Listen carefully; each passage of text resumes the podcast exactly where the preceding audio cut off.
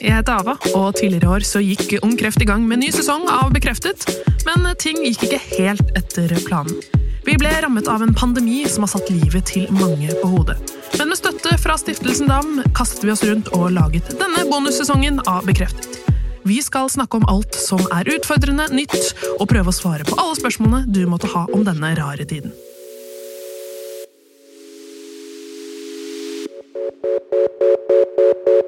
Det finnes hundrevis av ulike dietter der ute som skal gjøre deg sunnere, tynnere og eller booste immunforsvaret ditt. Og det kan være vanskelig å finne frem i jungelen av informasjon. Klinisk ernæringsfysiolog Anita Helland gir deg kostholdstips under og etter behandling. Da har jeg fått besøk av Anita. Velkommen. Tusen takk. Kan ikke du fortelle litt om deg selv? Ja, jeg er klinisk ernæringsfysiolog. Jobber på avdeling for klinisk ernæring på Haukeland universitetssykehus. Der jeg har jobbet med kreftpasienter helt siden jeg var ferdig utdannet i 2012. De første årene med barn og unge under 18 år, og de senere årene for de over 18. Så har jeg en 20 stilling på Vardesenteret, som er et fristed for kreftpasienter og pårørende. Der du kan komme uten avtale eller henvisning, og der er jeg to formiddager i uken. Så veileder jeg pasienter og pårørende på sykehuset, på sengepostene og poliklinisk, og på Vardøsenteret. Og så har jeg matkurs for pasienter og pårørende. Og så har jeg en del undervisning altså for helsepersonell i og utenfor sykehuset, for studenter, for pasienter og pårørende. Så du er godt rustet til å svare på det man måtte lure på om mat og kreft? Jeg håper det. Ja. Ja. Men hvor viktig er kosthold for en kreftrammet? Ja, Det er viktig. Altså, det har vært store fremskritt i kreftbehandlingen de siste tiårene. og heldigvis for det, Men selv den mest avanserte kreftbehandlingen har ikke optimal effekt hvis pasienten har dårlig ernæringsstatus. Så er, men så er det jo selvfølgelig eh, varierer det jo fra pasient til pasient hvor mye utfordringer de får, og hvor mye fokus det er på dette med kosthold. Ja, for Er det sånn at det på en måte finnes en fasit? Er det liksom et kosthold som funker for alle? Um, nei. Nei. det er det korte svaret på ja. det. Uh, det er det ikke. Um, og det kommer jo an på uh, for det første diagnose og behandling. Altså Når vi sier kreft, så, så er ikke det én sykdom. Det er, mange, det er faktisk flere hundre typer kreft. Det er mange forskjellige typer celler. og Forskjellige kreftformer har forskjellig behandling. Noen skal ha kirurgisk behandling, noen skal ha cellegift, noen skal ha stråling. Noen får plager i massevis, noen får ingen plager. Så jeg tror svaret på det må være nei. Sånn det korte svaret. Ja. Hva slags påvirkning kan da kosthold ha på både syke, men også sykdomsforløpet? Spennende spørsmål som har flere sider og flere svar. En side er den medisinske betydningen av maternæring. Altså der god ernæringsstatus er viktig for at pasienten skal tåle behandlingen bedre, komme seg fortere etter endt behandling. Altså vi har fokus på at pasientene får nok mat, kanskje særlig at de får nok protein, fordi at økt proteinbehov under behandlingen. Eh, så har vi fokus på at de ikke skal gå ned i vekt og tape muskulatur. Og, og, det er viktig å påpeke at kostrådene under kreftbehandling, altså når de kanskje har flere både fysiske og psykiske utfordringer å ta hensyn til, de kostrådene kan være helt forskjellige fra kostrådene vi gir for å forebygge sykdom, altså til, eller tilbakefall av sykdom når behandlingen er ferdig. Men så har kosthold òg en viktig sosial og relasjonell betydning. Sant? Mat er nytelse, det handler om tradisjoner, om fellesskap, tilhørighet, en sosialiseringsarena. Og det er en måte å vise omsorg på. Og I en tid der pasientene er prisgitt den medisinske behandlingen de får, så er dette med mat og ernæring det er ofte noe som de må og kan ta ansvar for sjøl. Her kan de ta litt styringen, her har de kontroll. og dette er noe som mange liker, men det er òg noe som mange enten syns er fryktelig slitsomt, eller som de ikke liker. Men det er òg mange som eh, har interesse, og de skulle ønske at de kunne gjøre litt mer ut av det, men så orker de ikke. Eller de får ha bivirkninger som gjør at matgleden og matlysten forsvinner, og så blir det en nedtur. Så kostholdet kan påvirke en kreftrammet på veldig mange måter. Ja, Du nevnte jo at man bør unngå å gå ned i vekt under behandling. Hva er grunnen til det? Altså Når du går ned i vekt under behandling, så taper du muskulatur i mye større grad enn når du går vekt når du er frisk. Eh, så selv, Det er jo en del som har litt kilo for, for mye, og de tenker at det er jo bare kjekt, jeg har litt å ta av, så det er, gjør ingenting. Men da bruker vi en del eh, tid på å forklare at det med å tape muskelmasse det kan gjøre at du faktisk får et større vektproblem når du er ferdig med behandlingen. Når du begynner å spise sånn som du pleier igjen og du har mindre muskelmasse, så risikerer du å få et større vektproblem enn det du hadde før behandlingen. I tillegg så er eh, altså vekttap eh, Forskning viser at de som går mest ned i vekt, det er de som tåler behandlingen dårligst, og de som har, har, eh, bruker mer tid på å komme seg igjen etterpå. Så det kan være verdt å, å, gjøre en ekstra innsats for å få i seg den maten man trenger? Ja. Vi pleier å si til en del pasienter som sliter med matinntak, at du får se på dette som en Det blir et stykke arbeid. Mm. Altså for noen så blir det rett og slett et stykke arbeid å få i seg, eh, få i seg næring. Det blir eh, ja, det er slitsomt for noen når, når matglede og litt av matlysten forsvinner, og, og, de sliter litt med å få i seg nok. Men altså, det kan jo være vanskelig å vite liksom, Ok, man vet man skal unngå det, men hvordan, hva gjør man? Hvordan går man fram? For å få nok mat eller nok proteiner, mener du? Ja, for å få i seg nok mat. Ja. Altså, viktigste, viktigste på en måte Hva skal jeg si tegn på at du ikke får i deg nok, det er at vekten går ned. Så Det viktigste er egentlig å holde, passe på vekten. Eh, og så ha fokus på de matvarene som er mye proteiner i. Eh, hvis ikke man har noen utfordringer med matinntaket, så gjelder de vanlige kostrådene som Helsedirektoratet anbefaler eh, med grovt og grønt og magre meieriprodukter og eh, fisk tre ganger i uken og alt dette. Ja, tre ganger i uken og alt dette. Men eh, hvis man har, har, utfordringer, så er det lurt å ha ekstra fokus på eh, kanskje kaloririk mat. At hvis du har utfordring med at du går ned i vekt, så, blir, så må vi tenke litt utenfor det som Helsedirektoratet sier. Og da er det større helserisiko å gå ned i vekt enn om du spiser mer fett eller mer sukker en periode for å unngå å gå ned i vekt. Så det er om å gjøre å vite hvilke matvarer som er proteiner i. da. Ja, det, der må man kanskje gjøre litt research? Så de som, sant, hvis, du, hvis, du, søker på nett og googler og leser i kokebøker om kreft og ernæring, så er det veldig mye fokus på grønnsaker, frukt og bær, antioksidanter. Eh, og det er matvarer som verken har mye kalorier eller mye proteiner, ofte. Så, eh, så det, det, kan òg være forvirrende i forhold til at det er forskjell på kostråd når du er i en vanskelig situasjon og ikke får i deg nok, og når du skal spise for å unngå ny sykdom. Ja, For det er mye forskjellig informasjon der ute? Veldig mye forskjellig informasjon der ute. Eh, og det kan være veldig vanskelig å vite for eh, de som søker, hvilken eh, informasjon de skal Altså hva de skal tro på. Ja, Er det noen man kan kontakte for å få litt sånn, kanskje hjelp til å sette opp en matplan? hjelp til å sette opp en matplan. Ja, altså, hvis ikke du har, Jeg ville jo prøvd å få tak i en klinisk ernæringsfysiolog. Det er den eneste faggruppen som er øh, Det er jo det som vår fag, fagfelt handler om. Det er medisinsk ernæringsbehandling, femårig utdannelse.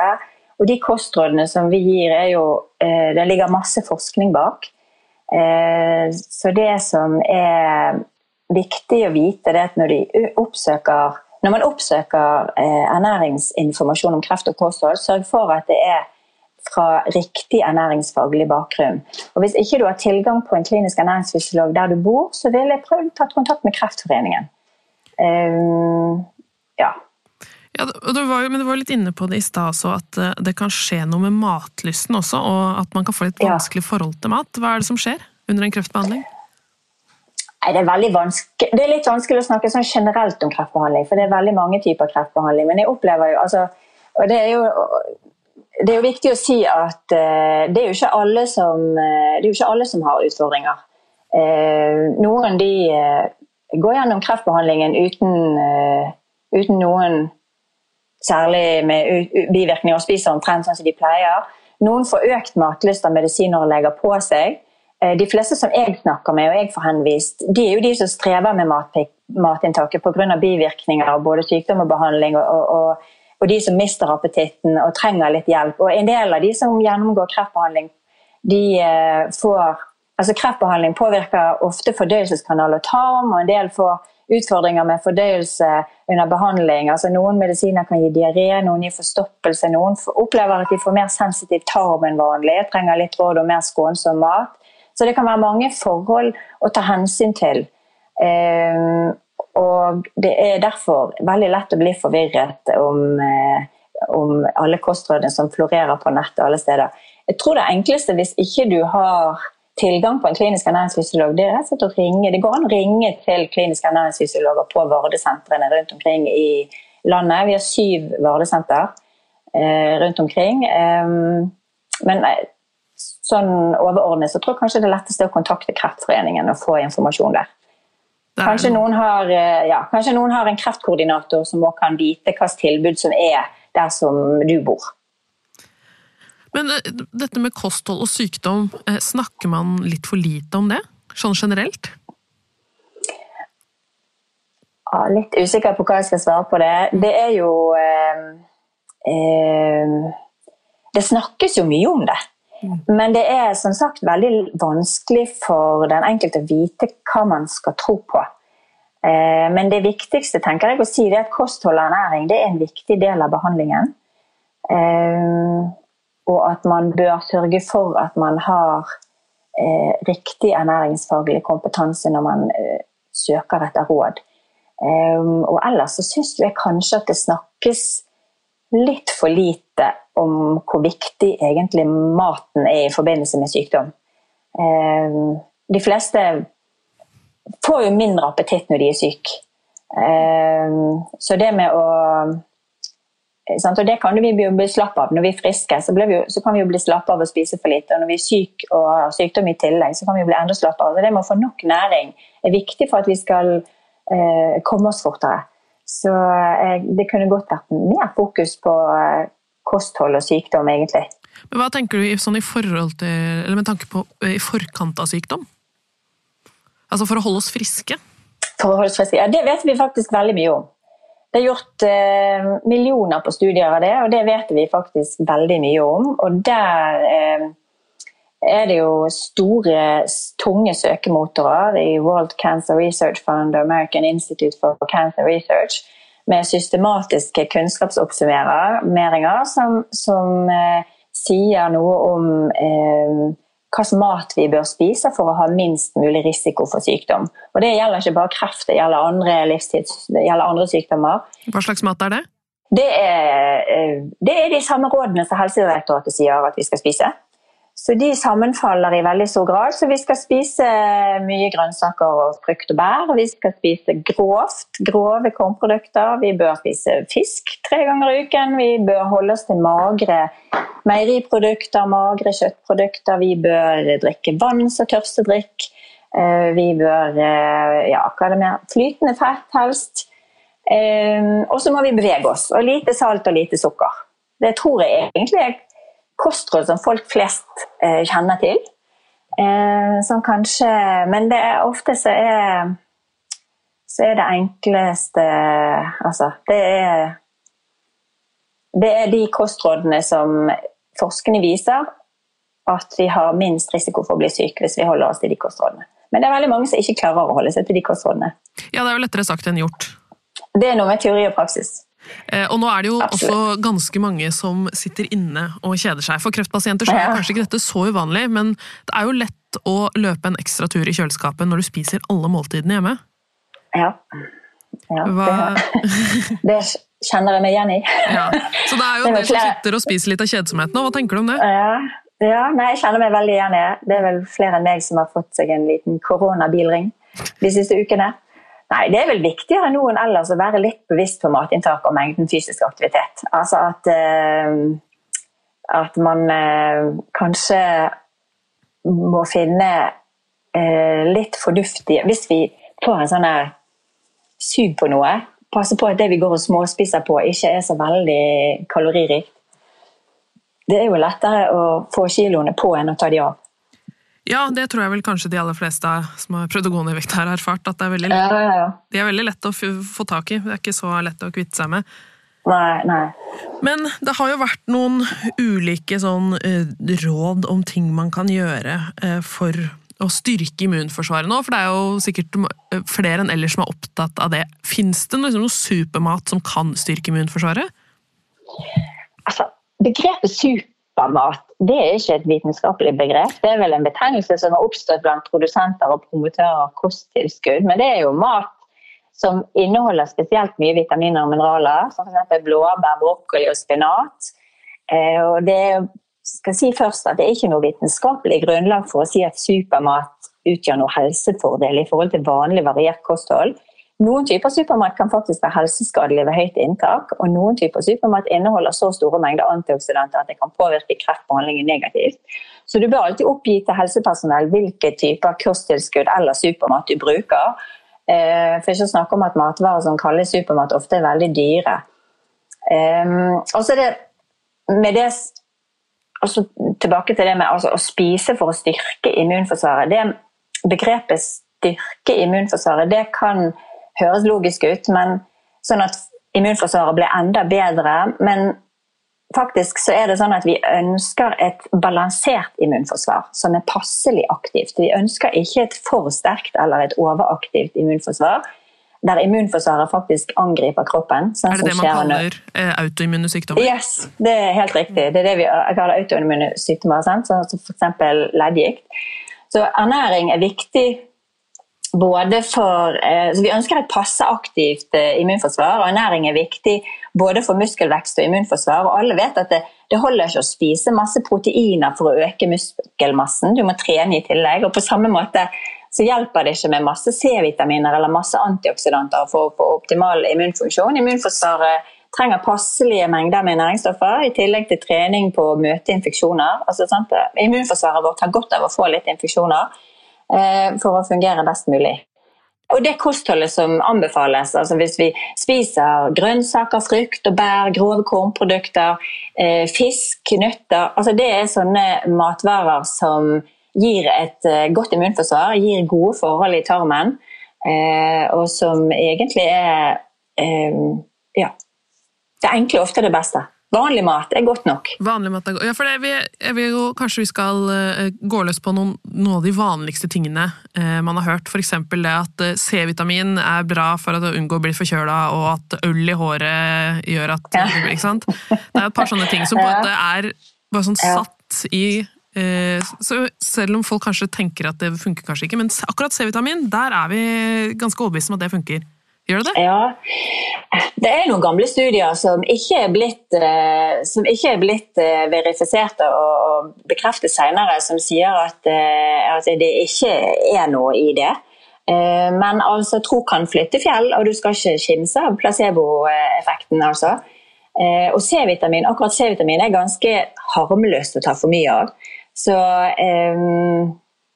men det er altså ingen vitenskapelig bakgrunn som, som, eh, eh, som gjør at vi anbefaler høye doser med C-vitaminer for å unngå å bli syk. Det beste vi kan gjøre, tror jeg, er å spise sunt og variert for å unngå å, å, å bli syk. Ja, så De beste tipsene vi kan ta med oss, er spis sunt og variert.